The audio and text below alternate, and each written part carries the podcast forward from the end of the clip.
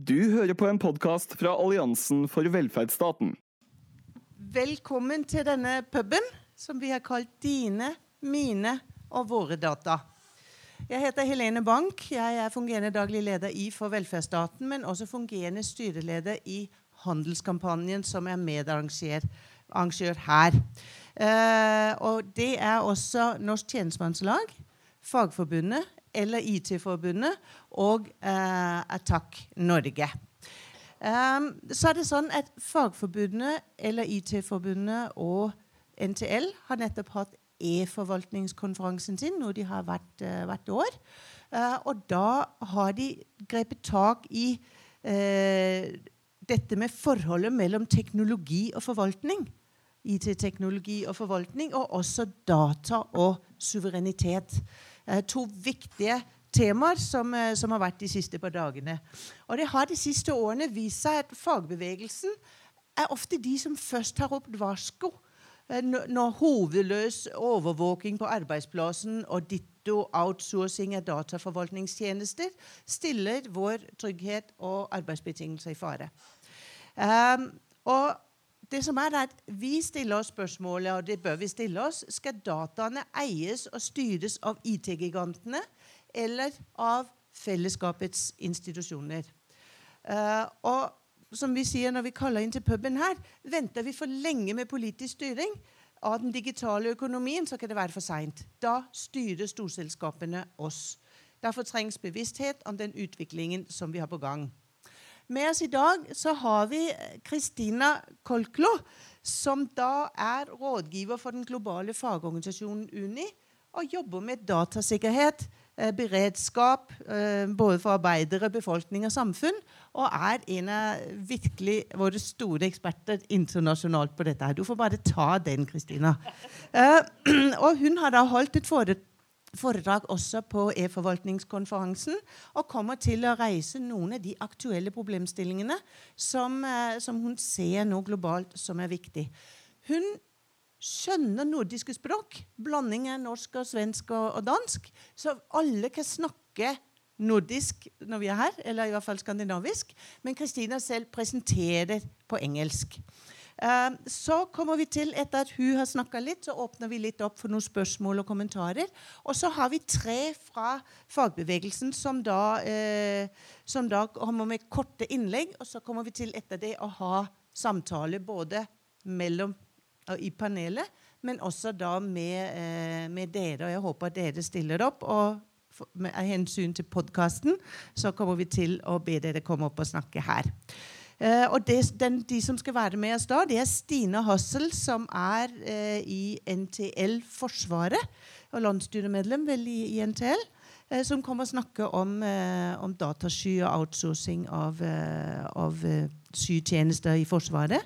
Det er Hans Martin Aase fra Fagforbundet som har erfaring med, med outsourcing av eh, hel, datatjenester i Helse Sør-Øst, som er noe som jo gikk fryktelig galt. Eh, og så er det Geir Aasen, forbundssekretær i eller IT-forbundet i Norge, som også kommer til å si noe om hvordan man har jobbet med det. Der de er jo arbeidere inn i hele den sektoren her. Og Derfor er det veldig viktig både erfaringen de har gjort seg, og noen av de strukturelle kravene de stiller. Og så håper vi at dere blir med i samtale og sånn etterpå. Så jeg starter med å gi Kristine ordet. Vær så god. Du har skjønt alt jeg har sagt. Ja. ja og du får lov å snakke på engelsk. I'm gonna, I'm gonna stand over here because the fact is I'm blind to the right physically. but also politically. No, so uh, I like to have you all on my left side. Okay, I'm going to be saying a lot, and as you can see, there's no slides. So please really sharpen your attention, get rid of the mobile phones, and be with me uh, the next 30, 40 minutes. What I really would like you to think about, though, when I'm speaking, and I, I will ask you this in the question and answer, I'm going to be the ones asking you the questions. What are you going to do about all of this when you leave this room? What is your role in whatever you do for a living? Many of you are probably unionists. How are you going to take this back to your everyday work and do something about it? So please uh, think about that one.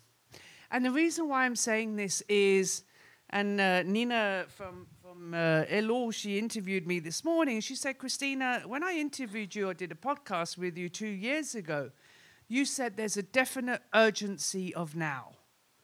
And is that now over? She said. And I said, no, it's not over, but we are nearing the finishing line where we can fight back, where we, as the unions or the NGOs, can set the agenda to say stop, to put an alternative digital agenda onto the political agenda. If we don't do that within, I would say, the next year, the next year and a half, it's too late. And all of this sounds dramatic, and it is dramatic. You know, people say, oh, you're painting a black. I was told today in some of the comments I got, well, you're painting a very black picture. Yes, because it is black. And let me just go through a little bit of the thoughts of why this is so, and also maybe come with some of the alternatives to how this could be. Now, firstly, this whole question of your data, my data, our data. I think we need to look back a little bit 10, 15 years. I'm very happy that I was born before Facebook. I was young before Facebook. I traveled the world where I said to my parents, Well, I might be in Guatemala City in eight weeks, send a letter poste restante to the post office. Now you're immediately on. I wouldn't want to be young today.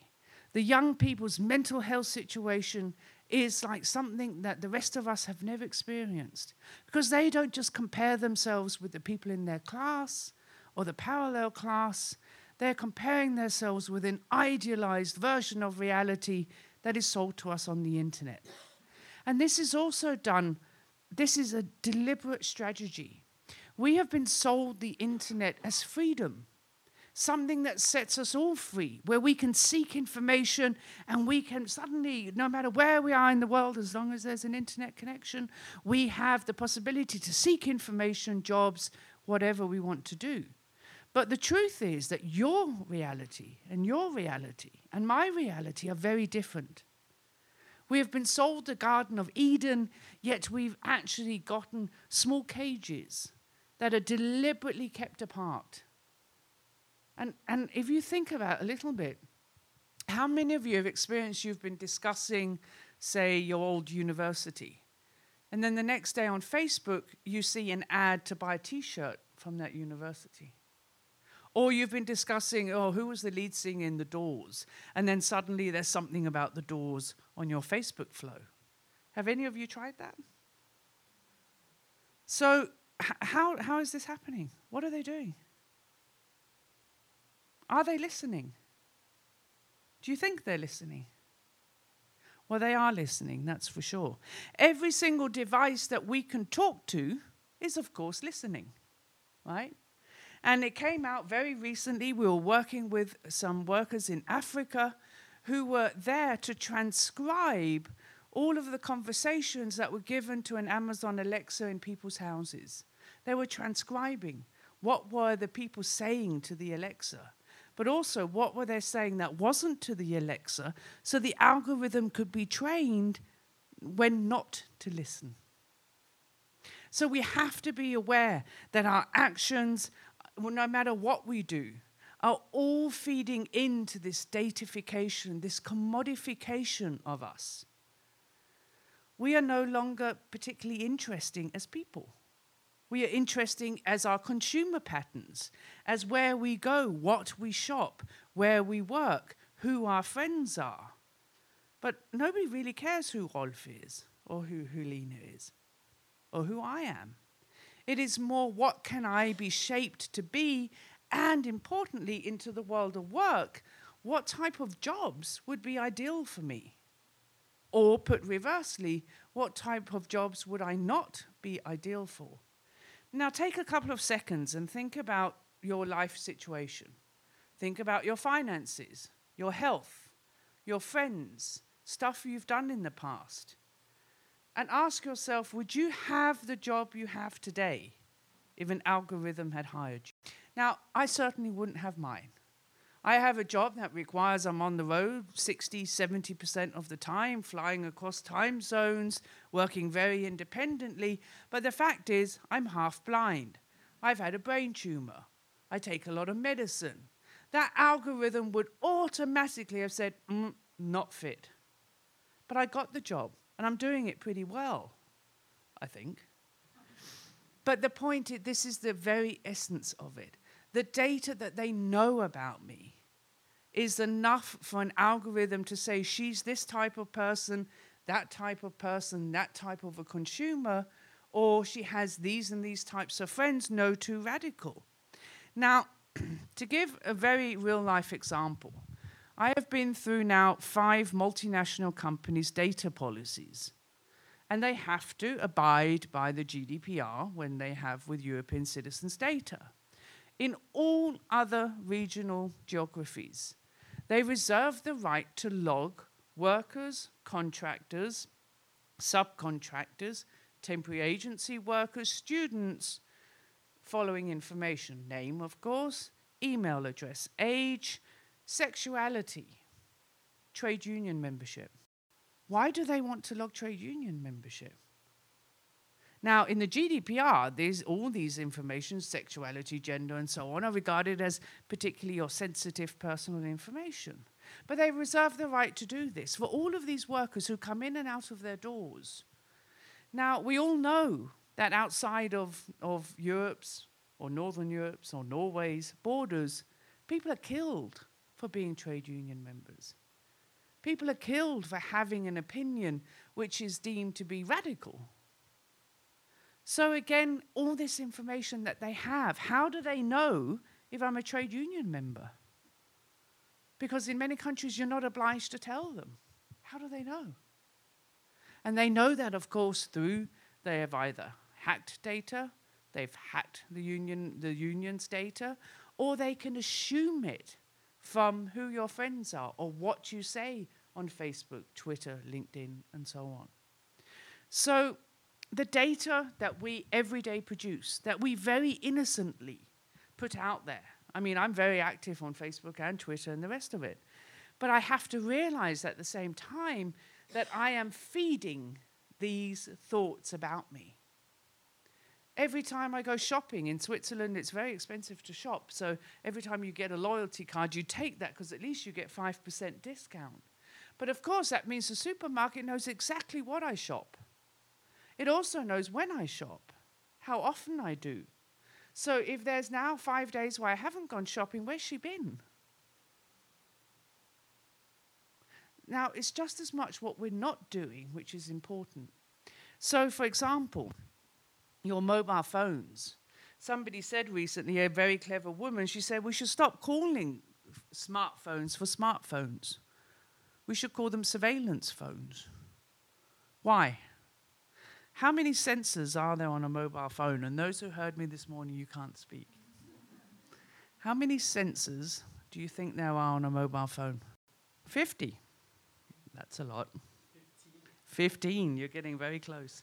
There's 14 sensors on a mobile phone. So no matter where we go, these sensors are being activated by all the apps and so on that you have on there. Now, what can they be?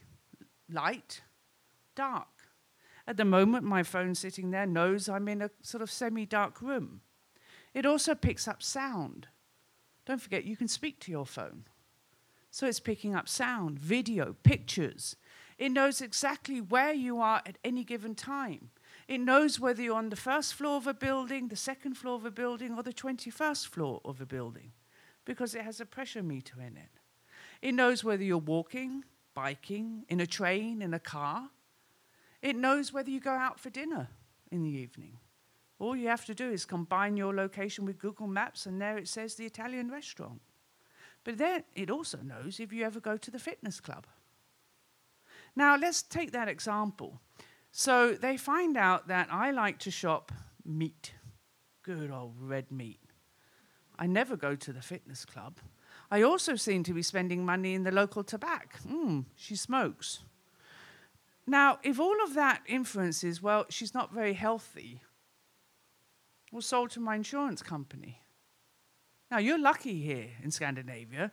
You have universal welfare states. In many countries, private insurances are now spreading. So, what do you think about the insurance prices? Will they suddenly change from being a universal price to being priced on whether you're a good, healthy citizen? In England, where I'm from, one of the newest things they've done, it's really smart. They've said to people who have a car, if you buy a dash cam you, and have that on, you get 10%, 15% reduction in the price of your car insurance. And this camera is recording everything who drives past you, if there's an accident, or if you bump into somebody, it's recording there. Well, okay, but not okay. Because you then, as you walk over the pedestrian crossing, are being surveyed. Now, all of this data is going somewhere. A woman I used to work with, she doesn't work for Amazon Mechanical Turk, which is a click platform where workers are sitting there earning two cents, five cents, looking at pictures. Yes, this is a picture of a car, this is a picture of a flower, and so on. Or the more advanced ones, they can even write essays. You could get somebody to write a newspaper article for the Washington Post for $15. Any journalist in the room, you would know that that's way under the going rate. Or this woman, because she'd worked for Amazon Mechanical Turk for 10 years, she was in the inner circle. She was asked once to, she got a picture of a man, and then she was asked to see if she could see that man on any of the following 100 or 200 photos. She found him on photo 187 and clicked match. And then she thought, but who am I working for? You don't know on Amazon Mechanical Turk whether you're working for a secret service. Is this man dead now? Was that photo taken from a security camera, surveillance camera, CCTV on the street? And as much as this sounds as if it's so surreal, this is happening all the time. So, where does this data end? All the data on your phone. How many of you in this room have a Fitbit or an Apple Watch? I know one has, not me. None of you. Well, I'm glad you don't. Because to be honest with you, what got me into this whole world was I had a Fitbit. And it actually really did help me. It made me go, oh, I've only done 8,300 steps. I'm going to go out for a walk. And the ones that got a little bit more advanced and knew if I was swimming or not, I, I liked them even more because then, of course, my daily ratio was more true. And then somebody said to me, but you do know that Fitbit now knows exactly where you are in any given time of the day. I went, mm-hmm. And this is true. All the apps you put on your phone, if you ever read the privacy policy, they reserve the right to actually activate some of those sensors on your phone, even though they have nothing to do with the app. Google Translate. Why do they need to know my location? Why do they need to know what floor of a building I'm on? Why do they need to know that I biked to work this morning? But they reserve the right to activate this and they get all of this data, which then feeds back to what I was talking about before that my Garden of Eden is separated from yours and yours and yours. So, all of this sounds very much like Black Mirror. I've stopped watching Black Mirror, to be honest with you, because it scares the hell out of me. It's so realistic. Last year, I was at a technology event and I was in a room full of people who spoke a language I literally hardly understood. It was about all of the technologies that are right around the corner. And they were being very nerdy and at some point, they started talking about deep fakes. Do you know what that is? So, fake videos and fake reco- sound recordings and so on.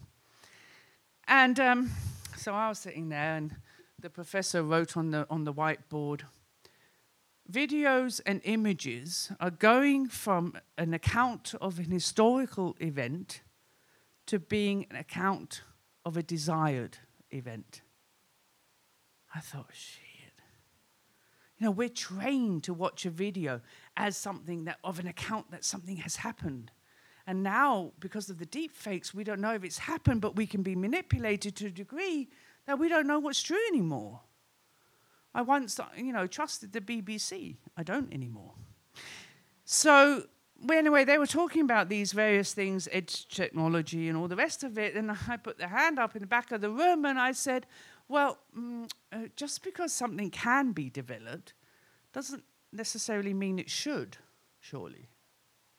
And they turned around and looked at me like I was some alien in the room and all said to me, You cannot stop technology.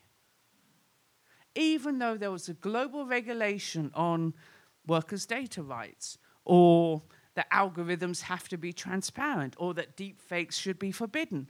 There will always be some, somebody somewhere who will be cocking up these technologies anyway. And as we all know, they spread like wildfire. So, this then begs the question, and bear with me here, and I hope you are with me. This begs the question what can we do? What can we do? What should we do about this? How do we preserve the right to be human? The right to form our own life chances? Yes, life is a bumpy thing. I d- didn't calculate on getting a brain tumor, I got one. But I still had the opportunity to, to then pursue my own interests and not have an algorithm that a priori said, unfit for this job. So I don't even see the job description on the internet. So, in relation to work, in relation to us as citizens, what must we demand in relation to this data? How can we curb the tyranny of convenience? Because let's face it, we love, I mean, it's simple. Simple to just take your Google map and do this and this. Great to have a Fitbit to tell you if you've done your 10,000 steps. Even more convenient to sit at home and just order your pizza by talking to your speaker, right? But we are becoming slaves to these technologies. And as I said before, is technology evil?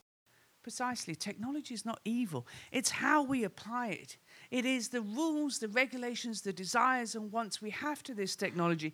And it's not like we don't have enough, uh, enough major crises to actually say we want the technology to work against climate crisis. We want the technology to combat rising inequality. We want the technology to combat tax evasion. We could do all this.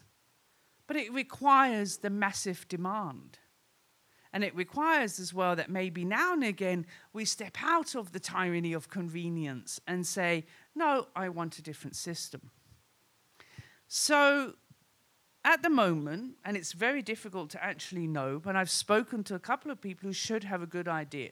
One of them was Ed Felten. He was President Obama's chief technology officer and the other one, Reid Hoffman, who was one of the co founders of LinkedIn. And I asked them separately, I said, how much of the world's combined data is owned by the five big tech companies? What do you think they answered? 99%? Any other? 70%. It was between 70 and 80% of the world's combined data is in the hands of five companies. Now, data is bought and sold. Data is a commodity, yet data is not taxed. None of our governments, apart from one, Estonia, has ever said there has to be a reporting mechanism on the data that companies buy and sell. Now, why doesn't our government have that? Why doesn't the Norwegian government actually put in place a requirement of the data and the data sets and the inferences made and whether they're sold. Do any of the companies you work for ever tell you if they sell the data that they mine on you at work? Do you think they do? I bet you they do. There's almost an excuse the expression of pornographization of data. the more the merrier. Gather, gather, gather, and sell. Data brokers are companies who live off buying and selling data. Nobody really knows who they are. There's lots of researchers who've been trying to dig into the number of data brokers out there. In the US, they've been uh, able to get hold of 14. They estimate there's over 1,000. Live totally under the radar. And any data can be sold, including your health data. Now, if this sounds like this is never going to happen, here's an example from Belgium, where I used to live. I applied for a mortgage in a bank. I had no debt, good wage. I thought, okay. So I went into the bank and said, you know, this flat I live in, I'd maybe like to buy that. Can I afford it? So she started typing, and then typing, frowning at the screen, and then said, Sorry, um, we can't offer you a mortgage. And I was like, What? Like, excuse me. And, uh, and I said, Why? And she said, Your health file. So, do you know what happened? I got a group of hackers together, and it turned out that the health insurance company was selling aggregated data. Now, this is another concept you're going to hear a lot aggregated data, de no, anonymized data. So, data that they say will never be able to be attributed to the individual. So, the health insurance was selling this, and the bank then did a very simple exercise. They took that data set, compared it to when I used my credit card to pay pharmacy bills. And then when I'd use my credit card to pay hospital bills, that was enough to de anonymize the data. And I was termed too high a risk to be given a mortgage. This was illegal, but it doesn't prevent it in happening. So, in all of this data, in all of these inferences, in all of these situations, you can say, why is there not? Why do our governments not make the most out of the digital world and say, well, everything is logged. Everything is there, it's data. Why is there not a requirement for number one to show how much data you're buying and selling, what type of data, how are you using it, which to some extent they have to in the GDPR? But also, then, why don't we tax it? Why is there not a taxation on data selling? Surely, if it's so valuable, then it should be taxed. So let me end with a few thoughts on in relation to work. Now, workers' data rights is a very, very weak is very weakly covered in the GDPR. We have certain rights to know what type of data is the company using to evaluate whether we should get promoted or fired or hired. But we don't know then how they then take that data and turn it into an inference. And an inference is a conclusion made on our activities. Are you a productive worker? Are, you, are women more productive than men in this workplace, the younger, the older, or whoever? And then they can bundle that data, those inferences, and sell them on. We have no legal rights to information like that.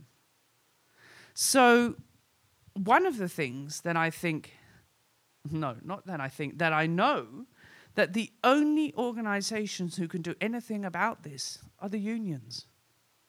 We need to bridge and fill the gaps in the GDPR and for every single aspect of the data life cycle at work from the, what sources, where they get their data, how they use this data, what inferences do they make on it, how do they store it, where do they store it, on what servers, who has access. And if they sell the data, who do they sell it to? Shouldn't you have the fundamental right to know that? Shouldn't you be able to say, no, we object for you to sell this to the Chinese government or to the Secret Service or to Amazon? And at the moment, we don't have those rights. So this is a burning, burning issue. In relation to algorithms, AI, machine learning, the more advanced algorithms, machine learning, they learn to learn. So they take previous findings and they sharpen it. Automatically says, okay, well, we had a 69% accuracy last time. By doing this and adding this date or this uh, parameter, we can add that up to 88% and so on. Who's checking the unintended as well as the intended consequences of these algorithms? Do we as workers have the right to sit with management every six months, every three months, and go through the algorithms they use to hire people? No, we don't have those rights. We don't have those practices. So, right now, again, another very important issue to establish some kind of a data governance inside the companies or inside the organizations. So, this is another burning issue. The third one, and I'm going to leave you there so we can have some questions and answers is if data is so valuable, why are we accepting it's landing in the pockets of the very few? Why are we not requiring open data, data trusts? Why shouldn't I? Shouldn't I be allowed to say, well, I believe in workers' rights, broadly speaking, or the environment. So I'm going to put my data into data trusts which are aimed at supporting those causes. Then my data aggregated can go to that. Imagine a situation where all Uber drivers, for example, got together and said all of our information where we drive, how often we drive, where we're from, what our routes are we're holding that in our data trust. Then Uber can ping that to get the information, but they don't own the data. They are not the ones who control the data. So our government should be looking into data trusts. Some governments are. Funnily enough, Canada, United Kingdom, Singapore, New Zealand, all looking into establishing data trusts. This is so easy for Scandinavia to do. You should do that. And if any industry says, no, that wouldn't be fair because we, you know, we're the most datafied industries, the financial industry being one of them, well, you can say, well, isn't it unfair that our small and medium sized companies, which make up the majority of your country's companies, should, isn't it unfair that they have an unequal access to market because they don't have the data? Is it fair that NGOs, unions, that we don't have access to that data? So if we want to create a level playing field, well, then I think data trust should be one thing. Now, my last comment is, and this is going contrary to what I've just said, but we've got to be very careful about repeating that data is oil, a commodity. Data has much more to do with our human rights. Data is, is, is toxic. Data is like plastic. The more we use, the more we're polluting our world. And therefore, we as the union movement, we as the progressive NGO movement, we must start fighting for data minimalization. We must stop this super surveillance. We must stop the commodification of people and of workers. And I hope you'll join me on that little battle. Thank you.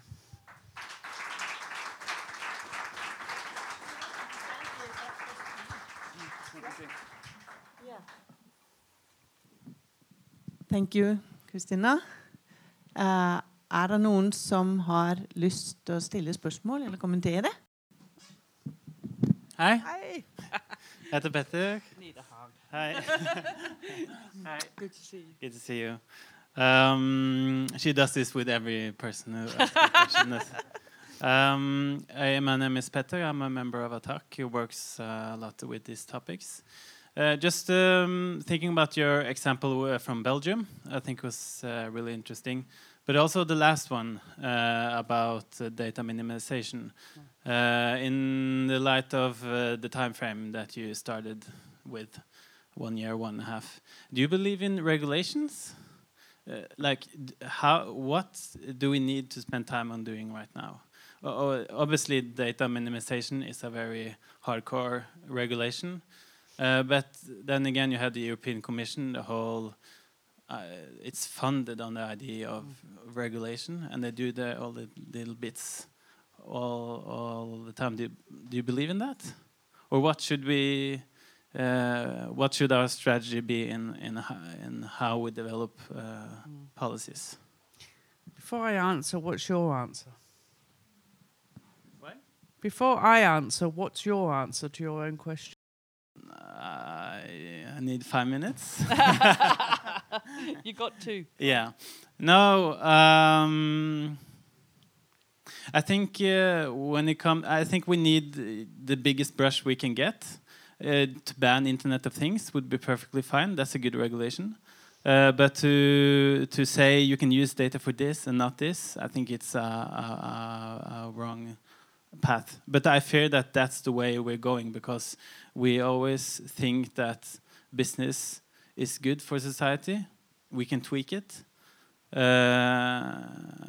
and that's the that's the like the the the frame of thinking that we are inside of right now, and it's not going to change in one, uh, two or two years. So yeah. So it's not going to change because we're not forcing it to change. I mean, let's face it, we have become so apathetic as societies. The majority of people, they've given up even voting. That's how much we shit on democracy, if I can say something so harsh. So if we went out there and started demanding it, then the politicians would have to listen. We have made it so easy for them to follow the neoliberal or the industrial path. And I think we very much have to look inwards and say, what am I doing? And this is why I asked you the question to begin with. What are you going to do when you leave this room? Because we have to get out of this tyranny of convenience that, oh, somebody else will do that. I mean, we even hear that in the union movement. You know, we hear, no, that, that's for that person over there. I don't have to do anything. We, we have become extremely complacent. So, yes, it's not going to happen. Regulation along these lines is not going to happen within a year and a half if we continue to just sit at home playing Candy Crush. Hi, uh, my name is Martina, and I'm the head of uh, Attac Norway. Hi. Uh, I just want you to elaborate about uh, Estonia. Uh, do they have like um, uh, their own data policy, or is this just random that they have another policy than the rest of the world? Thanks.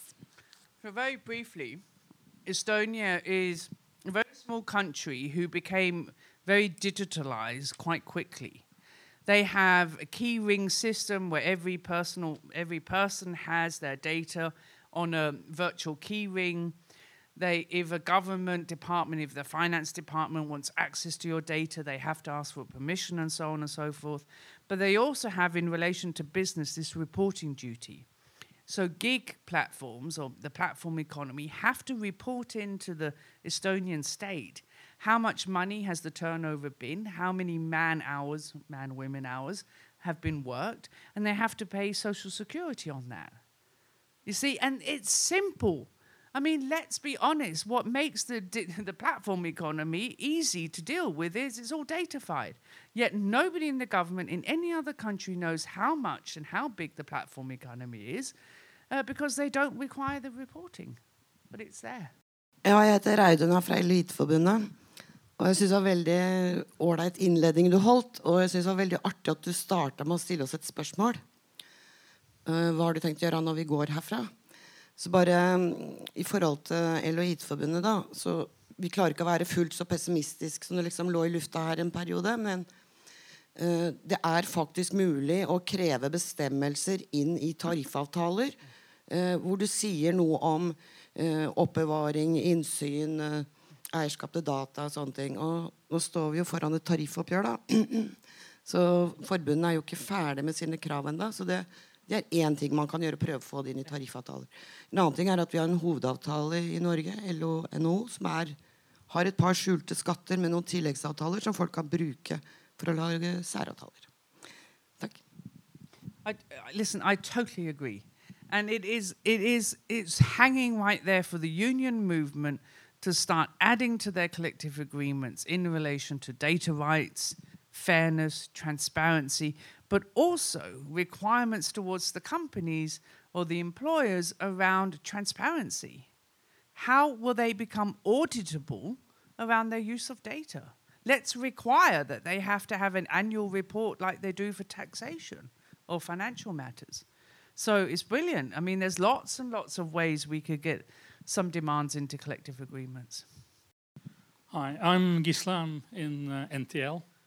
And um, thank you for a very interesting introduction and a lot of very interesting examples. As you self pointed out in the introduction, most of these practices, including one you refer to from Belgium, are illegal yes. according to current regulation. And of course, also the non specific consent agreements that like Fitbit and Facebook and all other companies have are not legal according to GDPR, who requires all uh, all consents to be specific and all consents to be um, necessary to perform a service. Mm. So laws are broken all over the place, as you pointed out.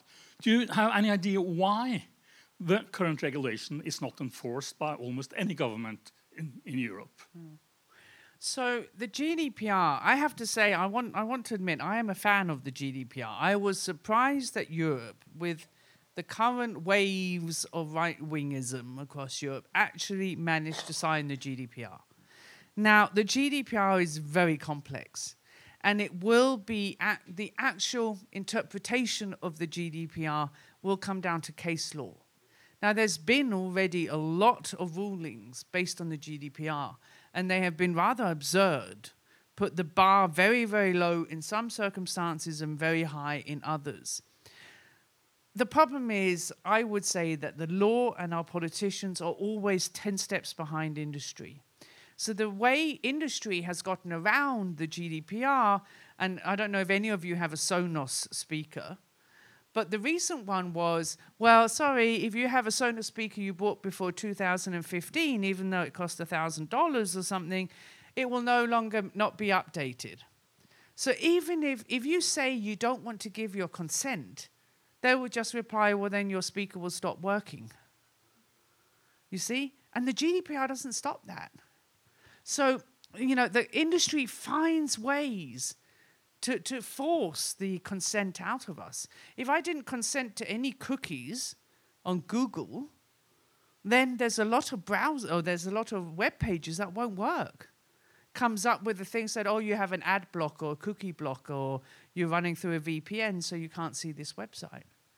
So, I mean, there's lots of ways of coming about it, but I think what could be interesting is how will the unions use the GDPR against the companies? Have any union, do you know, raised a GDPR case? No. Why? Why haven't we done that?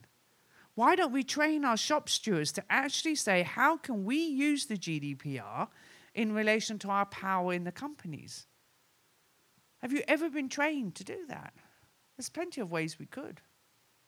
So, so here we should also think a little bit more strategically. But you're right, there's a lot of rules that, that our interpretation of the GDPR would say they are being illegal, but they're getting away with it until a case is risen. Um, uh, advisory from the General Advocate of the European Court of Justice in a, a Google case, where he basically says, well, uh, when somebody Google doesn't anything do anything with data before somebody punches a search term into the search line. So he actually believed that when you search in Google, Google then goes out on the internet and tries to find the stuff. Didn't know that Google has a huge database with lots and lots of data, and that's the thing they search. So the whole ruling is absurd because the General Advocate of the European Union doesn't understand how Google works. Uh, yeah, uh, thank you for your introduction. Uh, I'm Camilla from ATTAC. Uh, I have uh, a question about uh, surveillance of workers and how they use it to intensify work and increase productivity, mm. like they do in the Amazon warehouses. Mm. They surveil every second of the workers' workday and uh, force them to work faster and faster and fire everyone that doesn't meet the target. And so, and it's also spreading to other sectors, this kind of production tools, they call it. Uh, so, uh, one question is how can uh, we stop this mm. trend, uh, like regulations and what unions can do? And the other question is, uh, could you connect it to trade agreement? Uh, both the whole uh, neoliberal trade agreements uh, leads to a, race to the bottom and uh, and uh, restrict policy space, and also more especially to the e-commerce mm. negotiations in the the WTO like uh, how will what are the dangers for surveillance of workers and uh, mm. uh, yeah. Brilliant questions. If i may i think i'll save the trade one till after the panel and then we can, we can have a group one on that.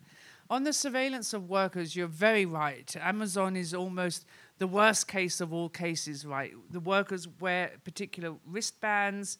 These are then linked to a computer that measures if they're following the precise direction through the fulfillment center that the algorithm has told them to do to pack in the fastest way. The level of burnouts, of blisters on their feet, I mean, they run miles every single day. And they are the extreme. But the thing is, surveillance is, is not new. This type of surveillance is new because we can't opt out of it. And we have no, no insight into what happens with this data, how it's being used to push us even further. But in the banking world, for example, surveillance is used uh, in, in the office spaces around how much is an office space used, a particular toilet or a particular office, or is can we get rid of 10 desks because on average only 90% of the workers are at work or something. So this type of surveillance, the digital surveillance, is used to pressure us all the time. To be told, Christina, you're not performing as well as your colleague. You're not selling as many products or running as fast or doing this and this. This summer, or last summer, I was in Canada and gave a speech for a lot of factory workers. And they also poultry workers. They were working, you know, killing the chickens or whatever. And I asked them, you know, these were people who were the salt of the earth. And I said, how many of you have begun to skip your breaks because of your productivity targets? And probably about 95% of them put their hands up. We are, we are producing ourselves to hell. And this links back to a previous question, or somebody mentioned where we can say, should one of our strategies be to question productivity as a target of success?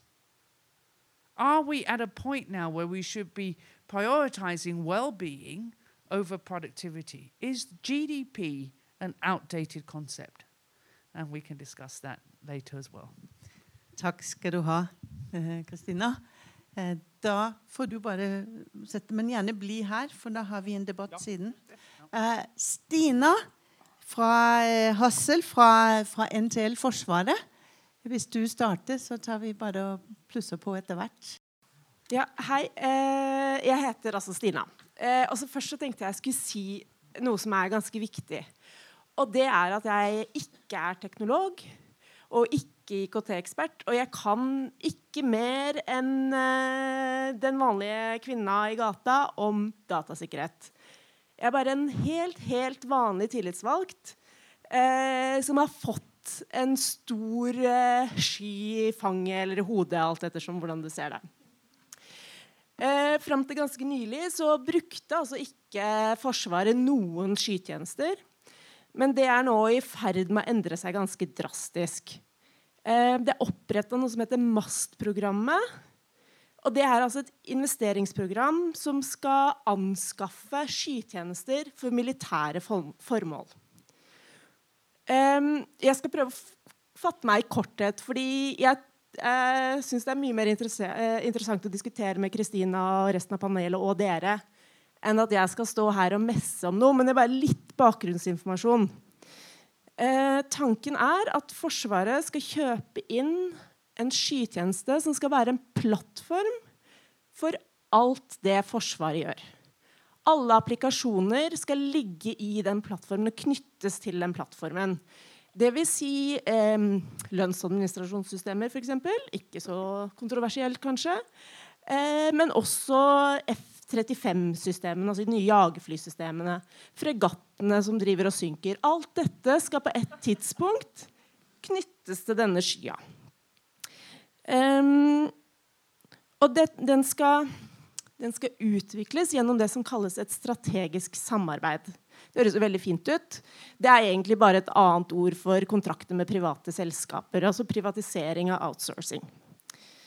Um, og så er det sånn at det er inngått en slags, eh, eller utlyst og gjennomført en slags plan- og arkitekturkonkurranse for hvordan dette skal se ut. Og Der kom det inn to, eh, syv ulike tilbud Eh, og Microsoft, eller liksom noen ting fra Microsoft inngikk i alle de syv tilbuda. Ja. Um, dette er det store planen. Men så er det allerede inngått en avtale med Microsoft um, om at de skal lagre e-poster og kalendertjenester for alle forsvarsansatte. Og det er allerede i ferd med å bli utrullert. da. Og så er det Jeg kan snakke mye om hva som bekymrer meg med dette her. Fordi det er jo eh, noen spørsmål knytta til datasikkerhet, til fysisk sikring av de serverhallene. Det er folkerettslige implikasjoner. Eh, og det er noe med eierskapet til data. Men jeg, tenkte, jeg skal ikke si noen ting om de tinga der. Men jeg tenkte jeg skulle si litt om eierskap til infrastrukturen. For det er NTL sin oppfatning at infrastruktur til å forvalte og lagre data er like viktig som infrastrukturen som gir oss strøm og vann. Og så er det sånn at Microsoft er så innmari gode på datasikkerhet fordi de har tatt i bruk maskinlæring. Det vil si at jo flere e-poster jeg lagrer i skya, og jo flere kalenderavtaler og sånn, og jo mer jeg bruker det, jo flinkere blir sikkerhetssystemene til Microsoft om å vite om det er jeg eller noen helt andre som er inne. Noen utenforstående som ikke skulle vært der. Så de lærer av det.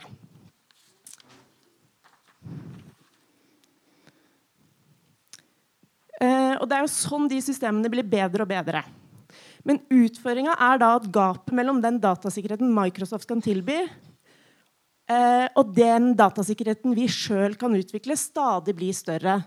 For hvis vi en dag skulle gå ut av den kontrakten med Microsoft, så er det ikke sånn at vi får de sikkerhetssystemene som har blitt eh, gode pga. vår bruk av deres tjenester.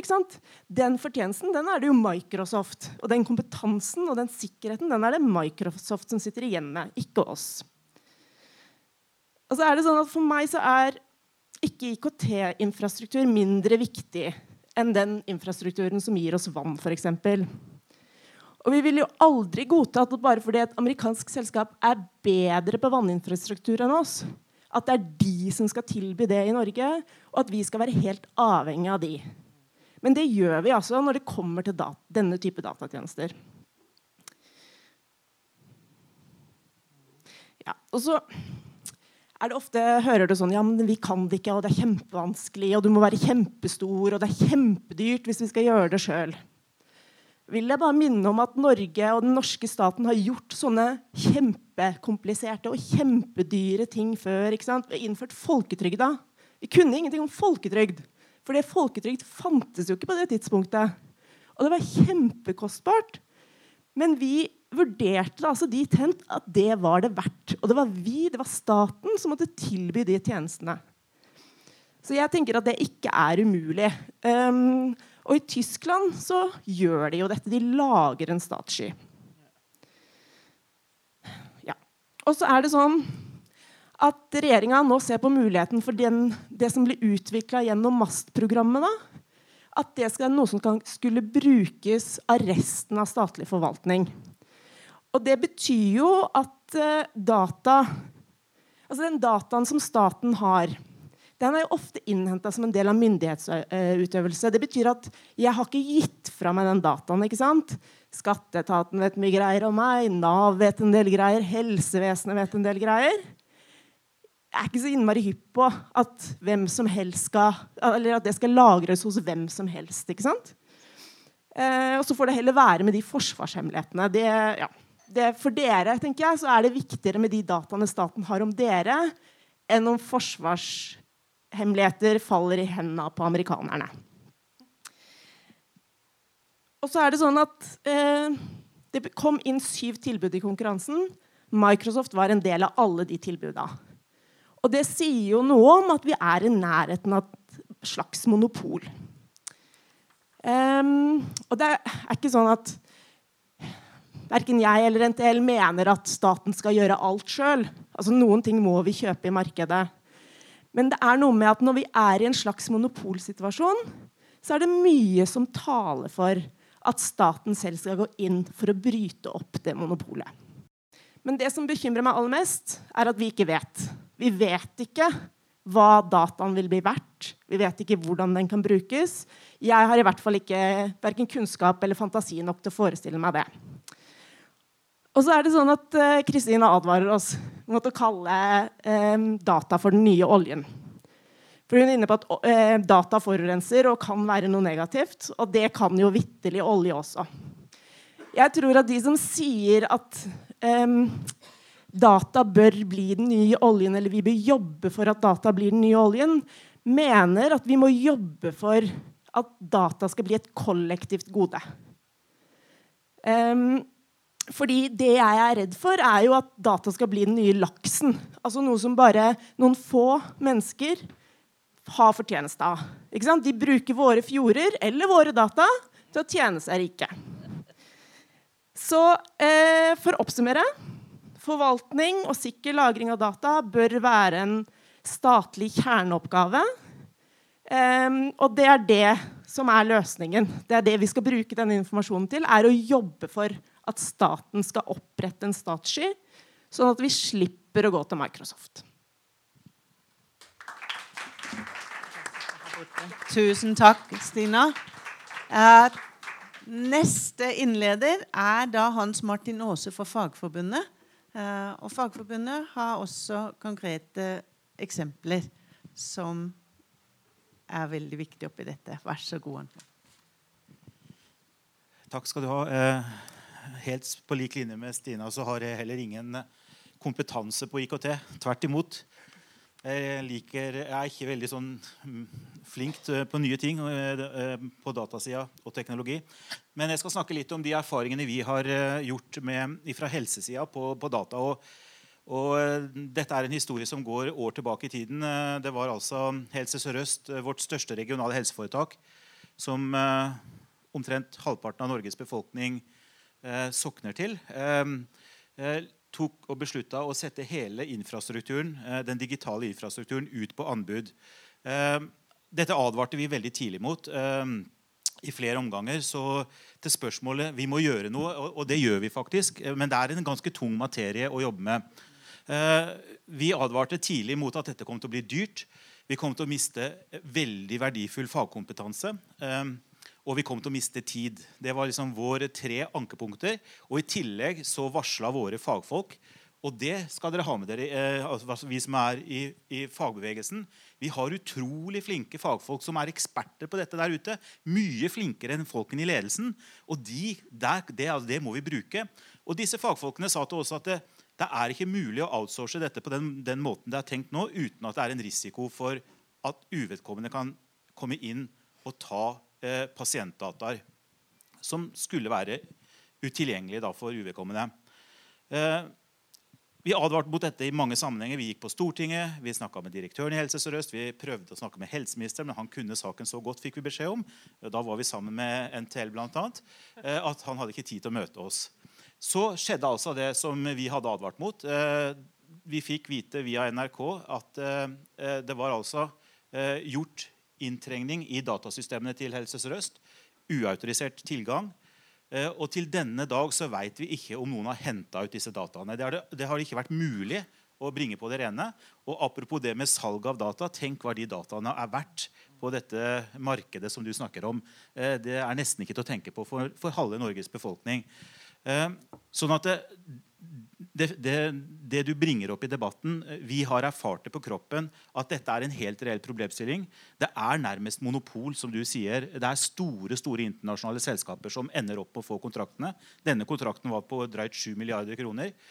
Uh, og det som vi i hvert fall har lært av den runden vi hadde For nå skal jeg prøve å være litt kort, for jeg tenker også at det er viktigere at vi har en diskusjon her etterpå det vi har lært, eh, eh, prøvd å oppsummere i hvert fall i vår eh, gjennomgang av denne saken, det er at for det første er det viktig å stå sammen. Altså, her slo vi oss sammen med flere fagorganisasjoner, også utenfor LO. Det var en styrke for så vidt at vi kunne være flere som sto sammen.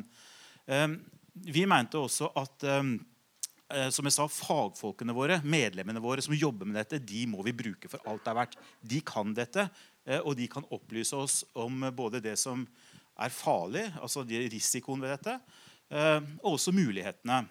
Og, jeg tenker også, sånn som du sier, Hva er mulighetene? Hva vil, hva vil vi som fagbevegelse bruke disse digitale mulighetene til på en god måte? Det er viktig. Så i denne situasjonen med Helse Sør-Øst var det en helt åpenbar svakhet. og Det tror jeg er en svakhet. Er det er veldig spennende å høre etterpå kanskje du sier noe om det når Forsvaret nå driver og skal anskaffe dette MAST-programmet. var det du kalte det. Eh, I hvert fall i Sør-Øst så var det utrolig dårlige risiko- og sårbarhetsanalyser som lå i forkant av dette vedtaket eh, om å outsource hele datainfrastrukturen. Eh, sånn at det vi i hvert fall mener er at Når ting skal skje på det digitale området, og sånn som den prosessen som vi hører om nå i Forsvaret, det må være grundige, skikkelige risikoanalyser eh, som ligger i bånn, og de må gjøres av de som kan det. For det er også sånn vi erfarte. Det blir, det blir hyrt inn noen konsulentselskaper til å vurdere noe risiko her og der, og de har nesten fått i oppdrag å, å liksom si om at dette er ikke farlig. Vi hørte jo helseministeren når sto på Stortinget og sa at det skulle ikke være mulig å komme og ta pasientdata. Han sto på talerstolen på Stortinget, for det hadde altså direktøren i Helse Sør-Øst forsikra han. Så skjedde det noen måneder etterpå. Så det bare viser hvor feilinformert det går an å være, uh, og hvor viktig disse risikoanalysene er. Eh, så jeg tenker heller at vi kan heller prøve å svare på spørsmål knytta til, det spesielle tilfellet, men at vi heller bruker tiden på, på salen og, og, spørsmål. Tusen takk, Hans Martin. Så ber Geir øh, Geir Aasen fra LIT-forbundet, forbundssekretær, vær så god. Ja. Nei um, Tenk med å starte og Takk for at vi fikk komme. Det var Veldig interessante temaer og veldig interessant fra Kristine her. Uh, vi hadde egentlig tenkt oss å snakke litt om hvordan vi i LHIT-forbundet ser på det med bruken av data, og litt om det vi jobber med sånn for øyeblikket for å, eh, for å, holde på med dette her. Eh, vi har egentlig flere innfallsvinkler til bruken av data i samfunnet i dag. Vi fokuserer i stor grad på sikkerhet. fordi i likhet med Fagforbundet så ser vi at det er mange store potensielle risikoer som, som er her. Og vi som samfunn vi kommer ikke til å nyte godt av de fordelene med tilgang på data uten at man får ivaretatt sikkerhet, personvern og etikk, som er tre ganske elementære områder som, som, vi må se på. Men med det som grunnleggende premiss så diskuterer vi gjerne hvordan deling av data kan skape bedre tjenester og nye arbeidsplasser, fordi vi mener at det også er et viktig element oppi der. Men først litt om utfordringene som må løses. Vi jeg hadde egentlig tenkt å snakke litt om eh, Helse Sør-Øst-skandalen. Den ble jo eh, snakka ganske grundig om her, så den uh, trenger vi ikke å gå veldig mye mer inn på. Men vi vil jo si at dette er et veldig godt eksempel på hva som skjer når man ikke vekter sikkerhet foran eh, fortjeneste når det kommer til outsourcing. Veldig viktig tema med akkurat det der. Eh, men for å få til en bedre behandling av data så må arbeidere ha kunnskap om dataene og hvordan de kan brukes, ikke bare hvordan de brukes i dag. Kunstig intelligens er noe som gjør data mindre håndgripelig, siden man mange ganger ikke veit hvordan det faktisk brukes i praksis, og, hvordan de kan brukes. noe som vil kreve at man kanskje angriper data og personvernspørsmålet litt annerledes. Eh, man må bl.a. diskutere om det vil være behov for å få inn flere elementer i kunnskap og utdanning til de som skal jobbe med dette. Både de som skal jobbe direkte med dataen, og de som skal etterprøve dataen. Og det er jo for å sjekke om vi uh, trenger å få inn uh, etikk som en del av, av kunnskapen til de som skal behandle. et eksempel på det her er jo egentlig det, det aller enkleste som kanskje de fleste vet om, det med smarte biler. Hvis smarte biler kommer i en potensiell kollisjon, hvordan skal de opptre? Skal de kjøre ned Olga på 80, eller skal de kjøre ned Katrine på 14? Sånne overveiinger må tas. Kanskje man trenger litt etikkursing der. Eh, vi anerkjenner også at alt dette kan føre til et kunnskapshull. Eh, fordi at det blir sånn, veldig sånn lite håndgripelig. Vi veit ikke helt hvordan vi skal se på det. Hva er det vi trenger å vite? Hva er det vi, er det vi må kunne? Eh, så Derfor har vi også meldt våre innspill til regjeringa, som har varsla ny kompetansereform nå til høsten. Nei, til våren. Uh, der legger vi fram argumentet på hvorfor vi bør få på plass en god etter- og videreutdanning som ikke er avhengig av at uh, arbeids, uh, arbeidsgiveren er villig til å åpne lommeboka for å få betalt for det, og at han ikke har et direkte behov for den kunnskapen akkurat der og da. Men at man i stedet kan få støtte fra et fond for både for utdanninga og eventuell støtte til boliglån, forsørgeransvar eller andre økonomiske forpliktelser som man jo fortsatt har sjøl om man er under utdanning. Dette er ordninger som man kan få gjennom tariffavtaler. Men siden samfunnsgevinsten ved å satse på etter- og videreutdanning er så stor, så f.eks. ved at flere holdes i arbeid og færre skyves over på eh, kollektive ytelser, så må også staten bidra med finansiering. Eh, transparens og samarbeid er også utrolig viktig for behandling av data. Eh, I vårt innspill til regjeringas nasjonale strategi for kunstig intelligens så gjorde vi et poeng ut av at utvikling av intelligente HR-systemer er en av de som kan bli oppfatta som en trussel mot det organiserte arbeidslivet og mot medbestemmelsesretten. Spesielt dersom eh, nye systemer gir bedrifter litt sånn overtenning og i gåsetegn effektiviserer partssamarbeidet ved å la AI ta flesteparten av avgjørelsene, fordi de f.eks. kan finne på å mene at AI er smartere enn oss som sitter på andre sida av bordet. Så angående det med eierskap av data, så har vi i vårt innspill til regjeringas arbeid med den nevnte AI-strategien, så har vi poengtert at som ble litt advart mot, data har blitt en vare.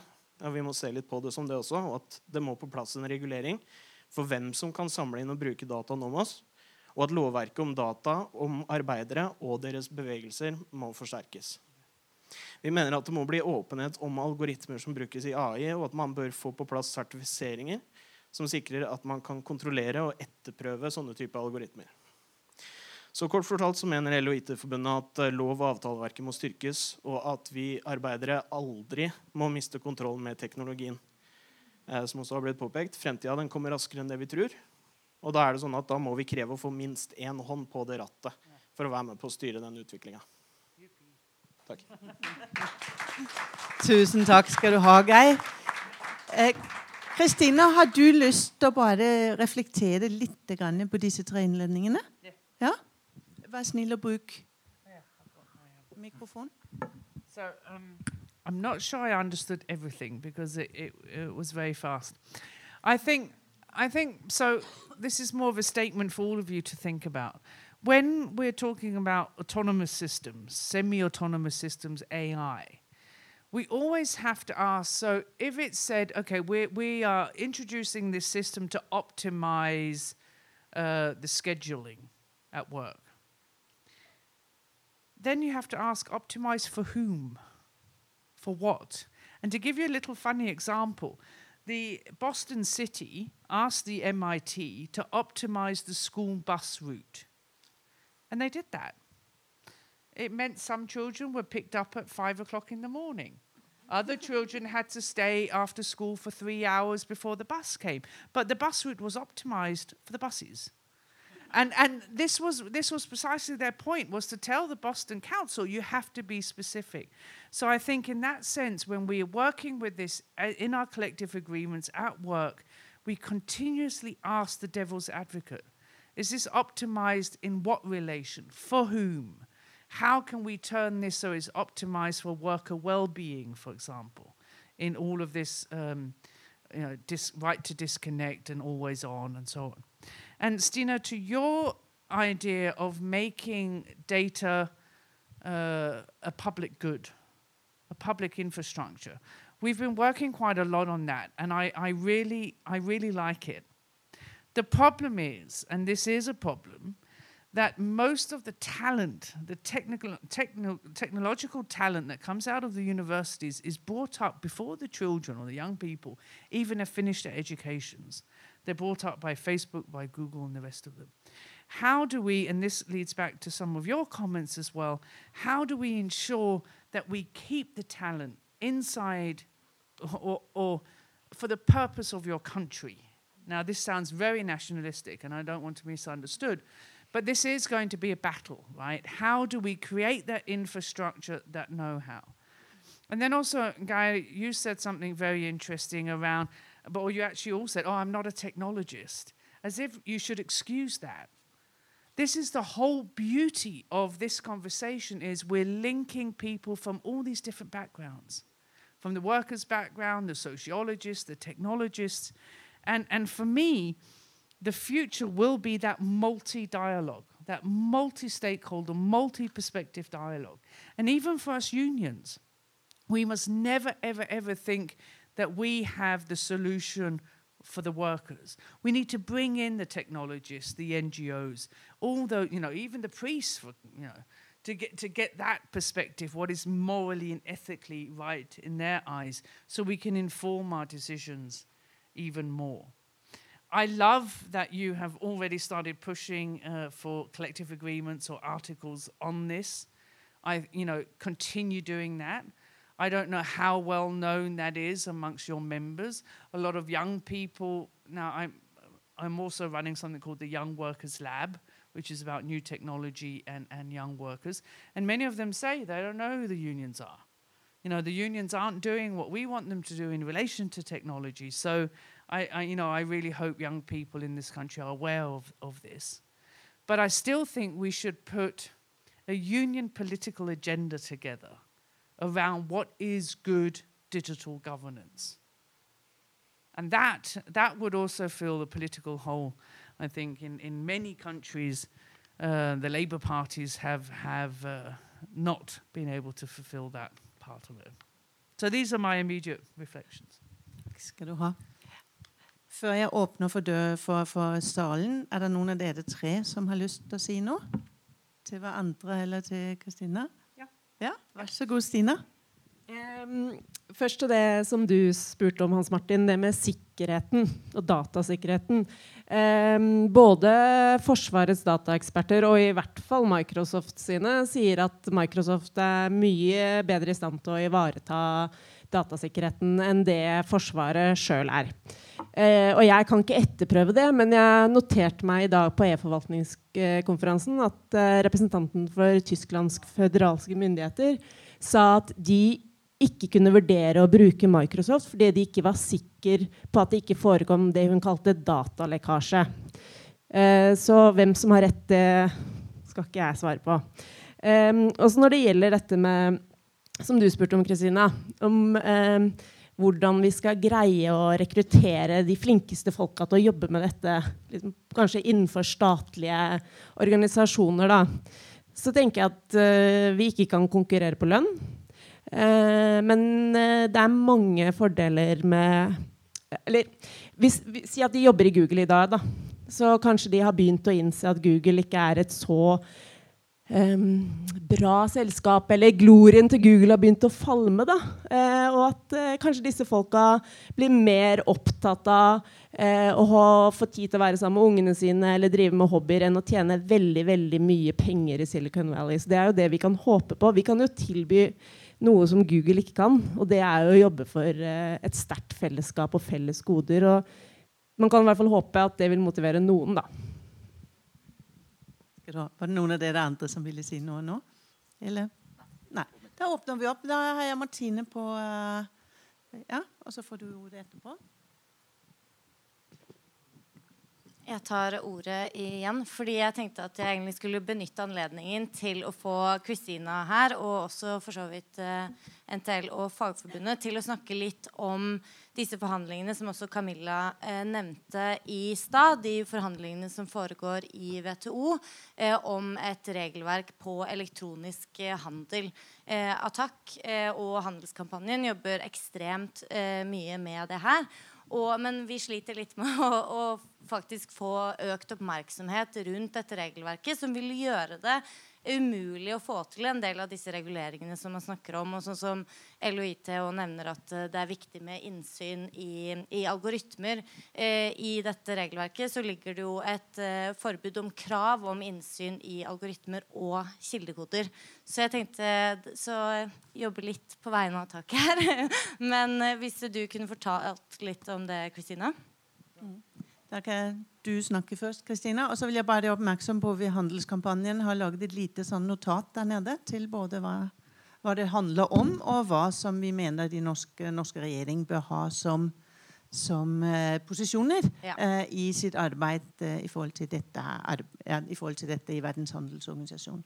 Vær så god, Kristina. So can I just ask, who in this room knows about these e-commerce discussions and trade agreements? So a couple, half of you. No, not the content. This, this is one of the most mind boggling situations we're faced right now. So, the e commerce discussions are in many, many trade agreements. They've been trying to push them through TISA, through the TPPA, and so on and so forth. And they call it e commerce. And the, the reason why they want to do that is to hide the true nature of this. They say, oh, this is all about enabling the buying and selling of goods and services across borders. But the requirements are very severe. One of them is that countries can no longer localize their data or say to any company who operates within your country that they must keep the data in that country. A second thing, now, we haven't really discussed this, but one of the big problems around the digital world right now is the digital divide.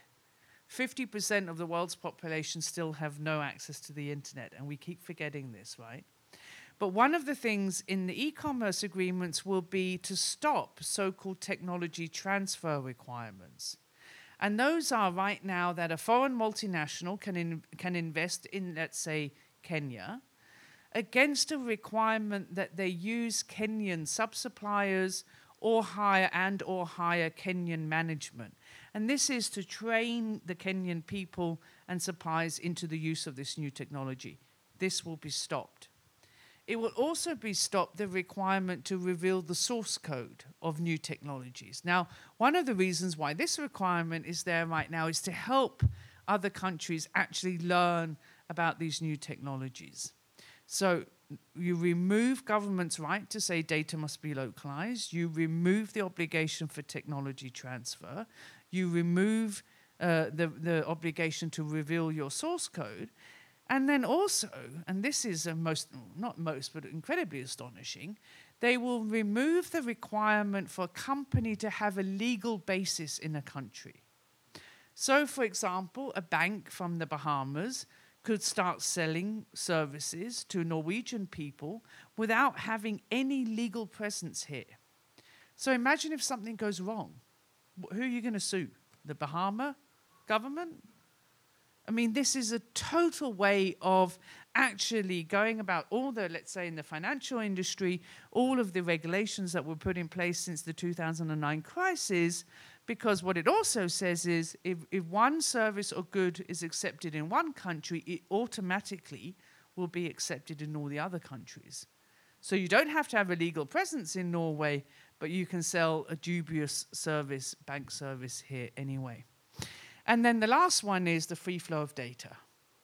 Now, they very, very specifically, and this is linked to no data, data localization, they want the data to be able to flow freely across borders with no hindrances. For me, all of this adds up to a mind boggling why would any government agree to this? Why? What, what, I mean, even if I took, you know, political economy out of this, what is in it for the governments? Yet we have the European Union, we have Japan, we have Canada, we have the United States, all very, very forcefully trying to push this through uh, the WTO. We're a bunch of us in this room who were at the WTO ministerial in Buenos Aires. We managed to keep the opposition together. This year it's looking very, very bleak. But I don't understand it. I don't understand why would a government forever and onwards remove their own right to say data should be localized. And, this is also why, actually, when the German lady was speaking today about the Bundescloud, I was saying, but isn't this a contradiction? Because Germany is part of the EU who wants the free flow of data. Now, she has a point in the sense that the Bundescloud is for personal data, uh, and that can't really be flown. But again, you know, any computer scientist will tell you the distinction between personal and non-personal data is political. It's not technical. So. Før jeg gir neste person ordet, som er du Christina, du sier 'they want to'. Who are they? So it's the good friends of services, which a, a, long way down the line are the big tech companies with others. And then the countries are, is that what you meant? Sorry. Yeah. And the countries are, as I said, you know, the EU, Japan, Canada, uh, the United States of America, and then what we call the hangarounds. But um, it's especially pushed by these. And I want to share you something which, which I shouldn't, but I have to. At the WTO ministerial in Buenos Aires, the EU had a debriefing every afternoon. And because I'm an EU citizen, I was invited there. And in the beginning, you can just imagine these commission officials, they were very sort of they were quite sure they were going to get this e commerce rules through. Then, as the days passed, they realized they wouldn't. And uh, there was quite a heated debate around this. And then one of the commission, top commission officials, said Africa can blame their misery on themselves if they don't sign this agreement. And of course, I shot out my chair. And, and you know, do you remember? Were you there? Did you hear that? I can't remember if you were there at that point. It was incredible. But this is the digital colonialism talk and so on. It's, it's awful. I mikrofonene. Ja. Eh, Så jeg heter Philip Mleneni. Mloneni. Jeg er stipendiat på Oslo Met. Skriver om algoritmer og eh, stordata og etikk. og alle disse tingene her. Så jeg skal prøve å fatte meg i korthet. Syns dette er veldig interessant. Eh, ekstremt kritisk til å selge ut kritisk infrastruktur i militæret til eh, Microsoft. Eh, ja, Stoler ikke noe særlig på Bill Gates og sånn. Eh, så det første Jeg bare tenkte på, jeg kom på eh, en ting som var en sånn stor mangel i denne eh, kunstig intelligens-strategien, eller sånn som de også påpekte i strategien, var at de ikke hadde noen plan ennå for den digitale økonomien. Det skal komme senere i en sånn stortingsmelding. Jeg vet ikke om noen av dere vet noe om hva regjeringens planer er her. Om dere kunne kommentert Det er veldig lite detaljer rundt akkurat den. Så jeg vet ikke om dere vet noe mer. Og så tenkte jeg bare Altså, eh, bakgrunnen min er filosofi. Eh, og jeg syns digitalisering, eh, eh, dataifisering alle disse tingene har veldig interessante filosofiske implikasjoner. Um, og jeg merker at um, Og jeg er også åpenbart ganske interessert i politikk osv. Um, og en ting som jeg merker litt med innlegg, Kristine, er at jeg opplever at altså, det er veldig viktig at vi er eh, på disse tingene som kommer til å skje, og som er i gang nå. Som du sier at det er en sånn tidsbegrensning her. Da vi må gjøre noe nå, åpenbart. Eh, men det som jeg syns er like viktig, og som jeg synes arbeiderbevegelsen definitivt bør tenke eh, ganske dypt over, er gitt at vi får eierskap over data, gitt at vi får denne infrastrukturen til oss, hva skal vi gjøre? Hvordan, helt konkret, skal vi få disse dataene til å fungere for oss? Fordi det er et problem eh, med måten algoritmer og videre sorterer oss. Du har en far som alkoholiker, derfor får ikke du et lån osv. Det er et problem, og det er en veldig sånn ja, kapitalistisk form for sortering. Kanskje nyliberal form for sortering. Men det fins andre måter å sortere på som ikke nødvendigvis er uetiske. Så eh, Bare for å ta en analogi så eh, Den rød-grønne koalisjonen har gått inn for en sånn karbon kan man på norsk? Altså karbondividend. Altså det her med at hvis du kjører så, så mye, eller altså bruker eh, drivstoff osv., så, så eh, en skatt av det en avgift av det går, og, og, så tilbake til folket. Det er en måte å sortere på. Altså, du gir liksom insentiver til å kjøre mindre osv. Hvordan kan man tenke seg sånne måter i den digitale økonomien? For eksempel, jeg sier ikke at vi skal bli helt Kina, liksom, sosial kreditt, men det er Jeg tror ikke det er helt dumt å tenke hva kan reddes fra Kina. Altså Fjern de autoritære elementene, fjern liksom, den undertrykkingen.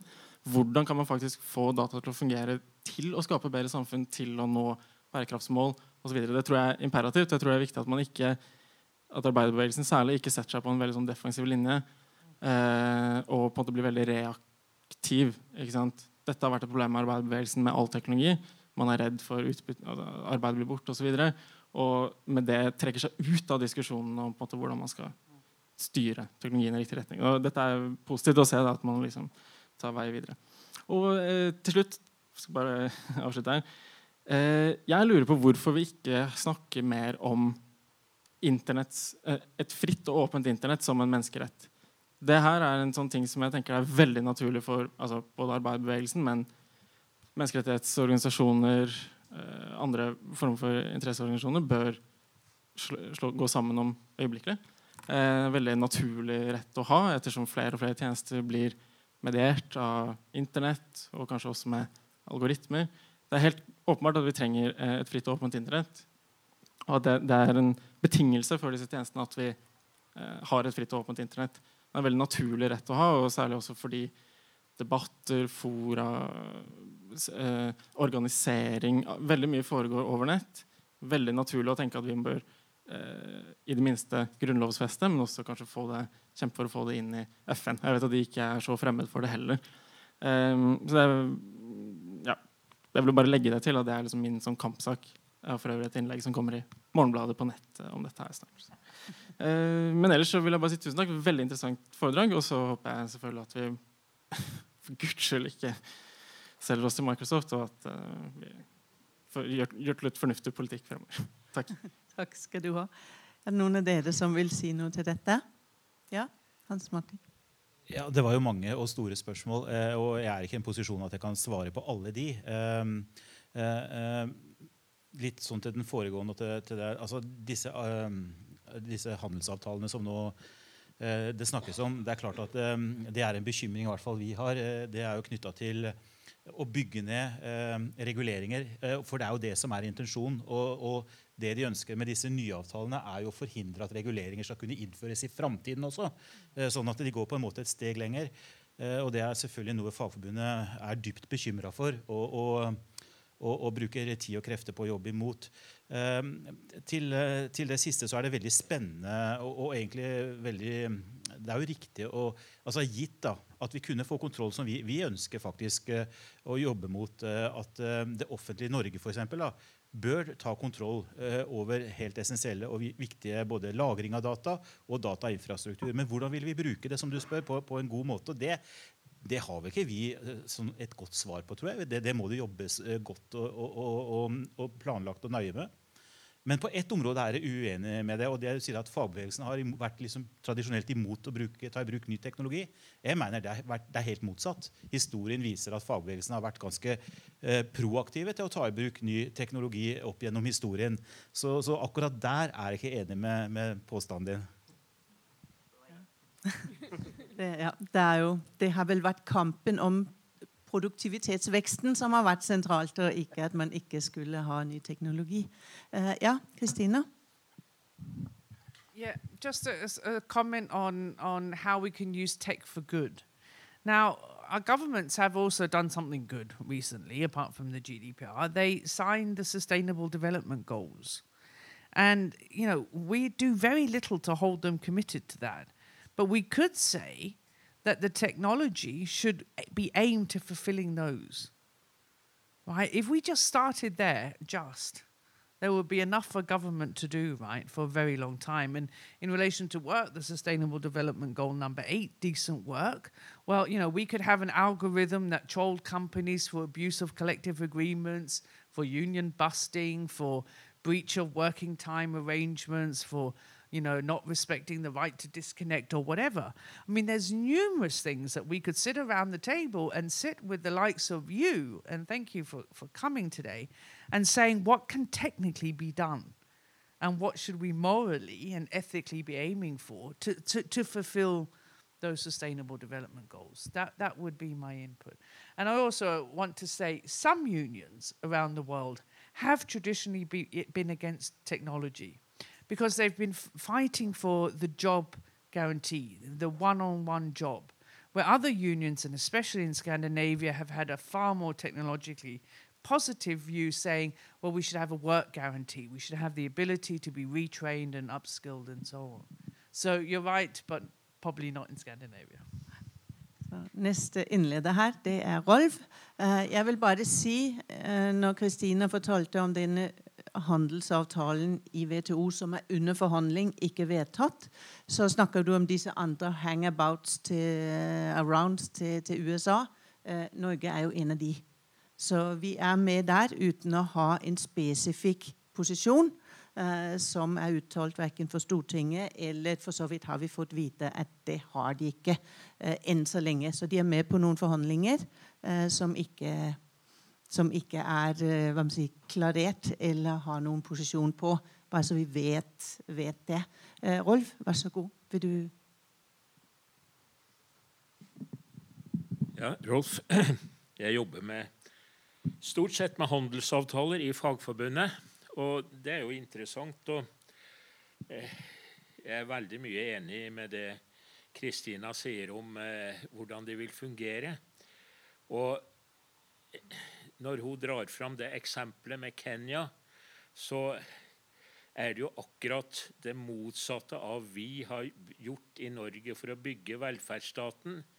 Når vi fikk olje, når vi fikk elektrisitet, så forlangte vi at du skulle legge igjen teknologi, du skulle bygge kunnskap, og du skulle ha en produksjon nær eh, der hvor virksomheten foregikk, altså i Norge. Så det nye nå det er en slags digital imperialisme, hvor vi går inn, bruker ressurser, og så får de ikke lov til å gjøre det samme som vi bygde velferdsstaten med. Det er ganske, ganske håpløst. Og det, det er politikken bak handelsavtalene. En annen politikk bak handelsavtalene er jo faktisk at politikken skal avvikles. Det er så mye i de handelsavtalene som gjør at du ikke har et handlingsrom seinere. Du Altså, det var det her med, med frys og skralle som var i TISA, som faktisk folk begynte å skjønne etter hvert. Nå brukes ikke de ordene lenger, men det å, det å fryse, at du ikke hadde noen mulighet til å velge en ny regjering som kunne reversere politikken, det er viktig. Det er antidemokratisk. Og jeg tror at eh, det er kanskje noe av det viktigste at uh, de prøver å for en gang, eller prøver en gang for alle å fastslå at sånn skal samfunnet være. Ikke noe, ikke noe uryddighet, takk. Og, og derfor så er Norge i stor grad med på det her. For det er ikke noe flertall i Norge for denne nyliberale revolusjonen. Slett ikke. Men ved å gå inn i de her handelsavtalene så låser du fast eh, eh, oss til en nyliberal utvikling. Og du får faktisk da gjennom ting via internasjonale organer som du aldri kunne fått flertall for i Norge. Så det er en utspekulert taktikk. Det snakkes om data. Det er det viktigste, men det er òg en masse andre ting de forhandler om. Hvem trodde f.eks. at fiskerisubsidier var en del av handelsavtalen? Ja. Takk skal du ha. Er det flere spørsmål, kommentarer? Nei? Har dere noe Du, Stina. Du snakka noe om altså, Vi kan jo bare gå tilbake igjen. Nå har vi hørt sant, helsedata. Vi vet ikke om disse Helse Sør-Øst-dataene finnes en eller annen plass ute i et eller annet selskap i en eller annen eter. Om det er mine mammografidata eller om det er psykologtjenesten til uh, tanta, uh, så vet vi ikke det. Uh, men, men, du snakka jo litt også på e-forvaltningskonferansen om når, når Microsoft f.eks.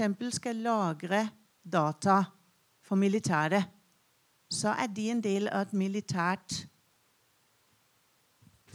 vil du si ja, noe mer? Jeg tenker på folkerettsimplikasjonen av det. Ja. ja. Kan ikke du fortelle litt om din tankerekke knytta til det? For jeg syns det, det, var, det, var veldig viktig. Ja, ja, det kan jeg godt. Um, det er jo sånn at I dag så er forsvarsdata lagra i forsvarsanlegg. Uh, og de er gjerne inne i fjellhaller. Så det er ganske høy fysisk sikkerhet knytta til de, de, de dataanleggene. Eh, og som dere sikkert vet, så er på en måte alle militære anlegg lovlige mål etter folkeretten i en krigssituasjon. Eh, og hva Altså Hvis Microsoft skal lagre forsvarsdata i sine serverhaller, eh, så vil de bli regna som eh, forsvarskritisk infrastruktur i en krigssituasjon. Og det gjør at de serverhallene de vil bli lovlige mål etter folkeretten. Um, og det i seg selv er jo ikke nødvendigvis eh, problematisk, men det forutsetter jo en del ting. F.eks. at de Microsoft-ansatte som eh, jobber i de hallene, er kjent med den risikoen og deres status under internasjonal rett. Uh, jeg tviler sterkt på at uh, de Microsoft-ansatte er informert om det. Og så er Det jo sånn at hvis det, det vil jo være andre kunder som lagrer sine data der, og det kan jo kanskje til og med være store andre offentlige institusjoner. Og da vil jo også den dataen bli ødelagt eller gjort vanskeligere tilgjengelig da, ved et angrep på sånne serverhaller. Og så tenker dere kanskje at ja, ja, men hvem er interessert i de serverhallene? Det tror jeg at uh, de fleste fiender som vi sier i Forsvaret, har gjennomskuet ganske raskt. For det er klart, Hvis du tar ut all forsvarsdataen, så er det ikke så veldig mye forsvarsevne igjen. ikke sant? Når hangarskipene, ikke kan, eller fregattene, da, ikke kan snakke med um, uh, kommandosentrene, og flya er helt på egen hånd, og sånn, så er liksom forsvarsevnen ganske kjapt borte. Mm. Så jeg er bekymra for det. altså. Har vi gutter på skauen, da? Ja, de har vi fremdeles. De er helt uten IKT. ja, riktig. Ja. Mm. Er det andre ting som noen av dere har lyst til å supplere med i lys av dette? Altså vi, eh, eller andre ting? Altså, eh, Vi jobba jo ganske intenst. eh, For akkurat i det tidsrommet vi holdt på med den IKT-saken i Sør-Øst, så var også ny sikkerhetslov oppe i Stortinget. Mm. Sånn at vi jobba sammen flere organisasjoner da for å prøve å, å, å sikre at denne, denne sentrale infrastrukturen og, og da snakker vi liksom om motorveien eh, som brukes eh, digitalt, og også lagring, eh, lagringskapasitet av data. Der er for øvrig Norge liksom langt framme, og det er masse som ligger til rette for at vi bør kunne gjøre det i eget land. da. Eh, at det burde omfattes av denne nye sikkerhetsloven. Eh, men eh, det fikk vi ikke gjennomslag for. Eh, Det er riktignok tatt noen sånne merknader eh, til lovforslaget i stortingsbehandlingen. Men vi skulle ønske at det hadde gått, lenger i at, det, kunne omfattes av sikkerhetsloven. For det, det hadde faktisk gitt en del eh, sikring eh, av hvordan disse prosessene i hvert fall skal foregå eh, på en annen måte. Jeg merka meg Jeg leste hva Datatilsynet sa etter denne skandalen. Og Da sa de at det var ingen i det offisielle systemet i Helse Sør-Øst som hadde vurdert overhodet risikosituasjonen og, øh, og beredskapen, bortsett fra fag, øh, de tillitsvalgte fra fagorganisasjonene. Ehm, og så spurte jeg i dag han som nå sitter i eh, Digitaldepartementet, denne offentlige plattform for innkjøp, lage marked av skytjenester. Eh, og så spurte jeg, når de nå skal lansere denne nye markedet for skytjenester for offentlig sektor, som regjeringen har satt ned og finansiert, så spurte jeg han om, eh, om de brukte erfaringene fra Helse Sør-Øst. Eh, og det gjorde de ikke. Um, og da har vi jo en liten utfordring hvis vi skal, hvis vi skal gjøre et storting oppmerksom på dette. her, Vår folkevalgte bør vel vite noe. Uh, men ja, det, det, det, er interessant å se at erfaringer ikke skal dras uh, fra ting hvor faktisk Datatilsynet har vært inne og sagt at her var noen som bomma. Du har Geir, du har et Uh, det er også et annet element oppi der som er litt interessant. og Det er jo noe som man også så i den Helse Sør-Øst-saken. Og det er jo det at den, altså, innkjøpskunnskapen på toppnivå når det kommer til IKT-tjenester, den brukes ikke godt nok. Eh, vi ser jo det at det er veldig altså Det er årlige rapporter som heter IT-praksis, som sier noe om akkurat det. Og det går rett og slett ut på at er uh, enten så er det ingen, eller så er det for få folk som sitter i toppledelsen som har god nok uh, IT-kunnskap til å kunne si noe om de systemene som faktisk kjøpes inn, og den sikkerheten som er der. Mm. Uh, og da blir det jo følgelig også sånn at da vil det kunne bli litt sånne rare utfall av innkjøp av tjenester og litt sånn type ting. så det er jo et element oppi det som egentlig er, kan være ganske viktig når det kommer til akkurat det med innkjøps- og anbudsprosessen også. Mm. Eh, da er hovedavtalen sier noe om medbestemmelsen, gjør den ikke det? Stine? Jo, den gjør det. Det var ikke det jeg tenkte å si. Nei. Snakk inn i mikrofonene, dere. Det er jo som oftest et styre som uh, gjør et vedtak på uh, å kjøpe inn de tjenestene, og der er jo ikke arbeiderne over 50 representert akkurat. Stina, vær så god. Jeg tenkte bare jeg skulle si noe helt kort om eh, elektronisk handel og WTO-forhandlingene, for jeg vet det er mange her som er interessert i det. Det er sånn at eh, Nasjonal sikkerhetsmyndighet har fått innsyn i kildekodene som Microsoft bruker. Eh, og både Microsoft og Forsvarets ledelse fremhever det som helt sentralt for at eh, man nettopp kan inngå denne type avtaler. Og da er det jo eh, spesielt interessant at norske myndigheter blir definert som hangarounds i forhandlingene. Mm. Hvis ikke det er noen flere spørsmål nå, så stilte Kristina et spørsmål helt til å begynne med. Hva gjør vi nå sånn hva gjør du i kveld, altså klokka åtte f.eks., eller i morgen? Eh, vil du ta regien på spørsmålet ditt, Kristina? Og så kan vi ta en liten runde etterpå hvor dere er med. So I commit to not answering any emails tonight after eight o'clock to try and see if I can have uh, a work free evening. No, I mean, seriously, I commit to working. I'll be giving a speech in Brussels on Friday about this. And I think anybody who has an understanding, a dream, a wish on how we could change this to make it more sustainable, make it better for people and planet, then I will, and this is my commitment, I will continue to do that.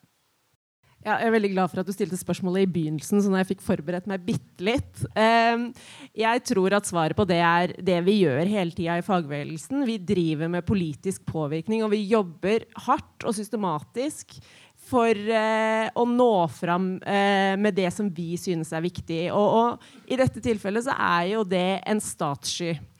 Og jeg opplever ofte at det blir sett på som utrolig radikalt. At det liksom er et helt absurd forslag.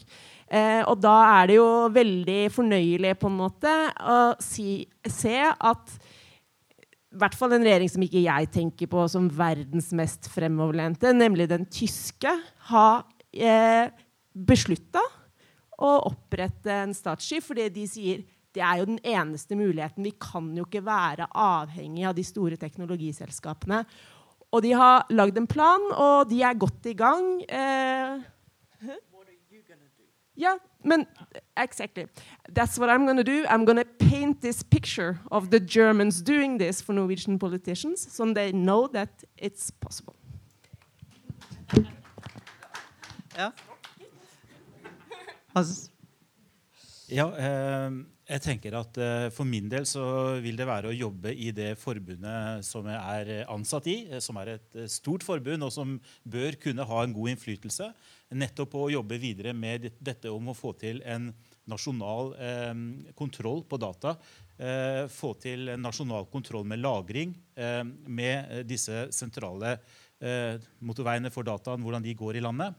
Eh, Det tror jeg faktisk vi kan jobbe videre med. Og så har jeg fått noen tips eh, ved å høre på det i dag, som jeg skal ta med meg tilbake til egen organisasjon. For jeg synes eh, der kom det Jeg har gjort noen notater også, som, som vi kanskje kan bruke videre. Takk skal du ha. Geir? Ja, hva skal man si? Wow. Det er ganske mye man kan gjøre.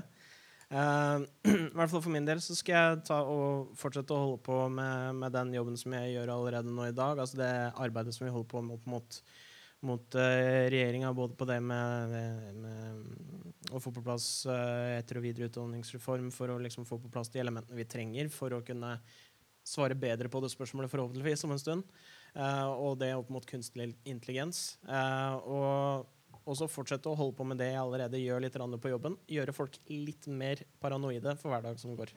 Sånn at de begynner å tenke på sånne ting som det der. Ja, er det flere som har lyst til å si noe? Ja? Petter? Jeg skal gå hjem og betale medlemskontingenten min i Attack. Det kan dere også gjøre. Dere kan bare gå inn på attack.no og så gjøre det samme. Veldig bra tiltak. Jeg tenker at jeg skal ta og så prøve å få til at vi får stilt et skriftlig spørsmål både til eh, Utenriksdepartementet om de sørger for å forhandle frem et handlingsrom, eller legge inn i norske posisjoner et handlingsrom for statssky, eller den tyske Bundesklart eh, i norske forhandlinger. Eh, og så tenker jeg at vi må prøve å få til eh, en, en eller to representanter på Stortinget som stiller de spørsmålene. Så eh, ja. Er det andre som har eh, noen umiddelbare Hovedavtalen, da, dere. Ikke sant? Nå er det Ikke sant du sa det, Reidun? Der var hovedavtalen. Medbestemmelse der. Og det å kreve faktisk at vi har en kompetanse med alt det som, eh, som en jobb. Og den er ikke nødvendigvis teknisk, men den er dypt politisk, og den handler om velferdsordningene våre, staten vår og i det hele tatt. Du har ordet, så blir det Kristina etterpå. Hei, jeg heter Knut Rikard Slettebø. Eh, Jeg er elektriker, eh, medlem av Eloid-forbundet eh, og tillitsvalgt på jobb. Jeg syns det har vært veldig spennende å lytte til. Gjort meg mange tanker. Eh, En ting jeg tar med meg, er oppfordringen til å som tillitsvalgt faktisk sette meg inn i hva GDPR innebærer. Og prøve å pirke litt i hvordan firmaet jeg jobber i, eh, følger eh, den, det regelverket. Vi har tradisjon i Norge for å velge datatillitsvalgte. som liksom tradisjonelt sett har jobbet med overvåkning og liksom altså i, i min bransje da, som elektriker eh, passe på at firmaet ikke sjekker GPS-en på firmabilene eh, for å liksom styre det. Eh, men vi har liksom ikke visst helt hva datatillitsvalg skulle drive med. Og så fikk vi GDPR, og det var bare masse info som vi ikke skjønte noen ting av, men kanskje vi måtte bli litt bedre på oppbevaring av eh, medlemmene våre sine opplysninger. da. Um, men det er jo selvfølgelig veldig mange eh, spørsmål vi kan stille til ledelsen i firmaet, og faktisk tenke på hvordan de behandler våre dataer også. Så det tar jeg med meg. Takk. Bra. Da skal du få siste ordet, Kristina. Vær så god. Love that. I love all these ideas. Gives me lots of energy. And don't forget, a really good action is to go home, talk to your wives, husbands, children about this. I mean, this is one of the conversations which many people don't have, and that is you don't have to have the answers, just the questions. Open people's minds to do we know what they're doing with our data or all of this. So, yeah, really inspiring. Uh, thank you. Really, thank you for this evening. Og når vi klarer å få familien til å skjønne hva tingene handler om, så er vi gode nok til å gå ut og ta den offentlige debatten også. Men vi skal gjøre det hele tida uansett. Dere, tusen takk for nå. Vi har ikke noe gave til dere. Nei? Men dere har gitt oss en gave ved å være her. Kristina Kolklor fra Uni. Eh, Stina Hassel fra Forsvaret. NTL Forsvaret. Hans Martin fra, fra Fagforbundet. Og Geir fra, eh, fra LIT. Det er godt vi har dere i fagbevegelsen. Takk for nå, og vel hjem.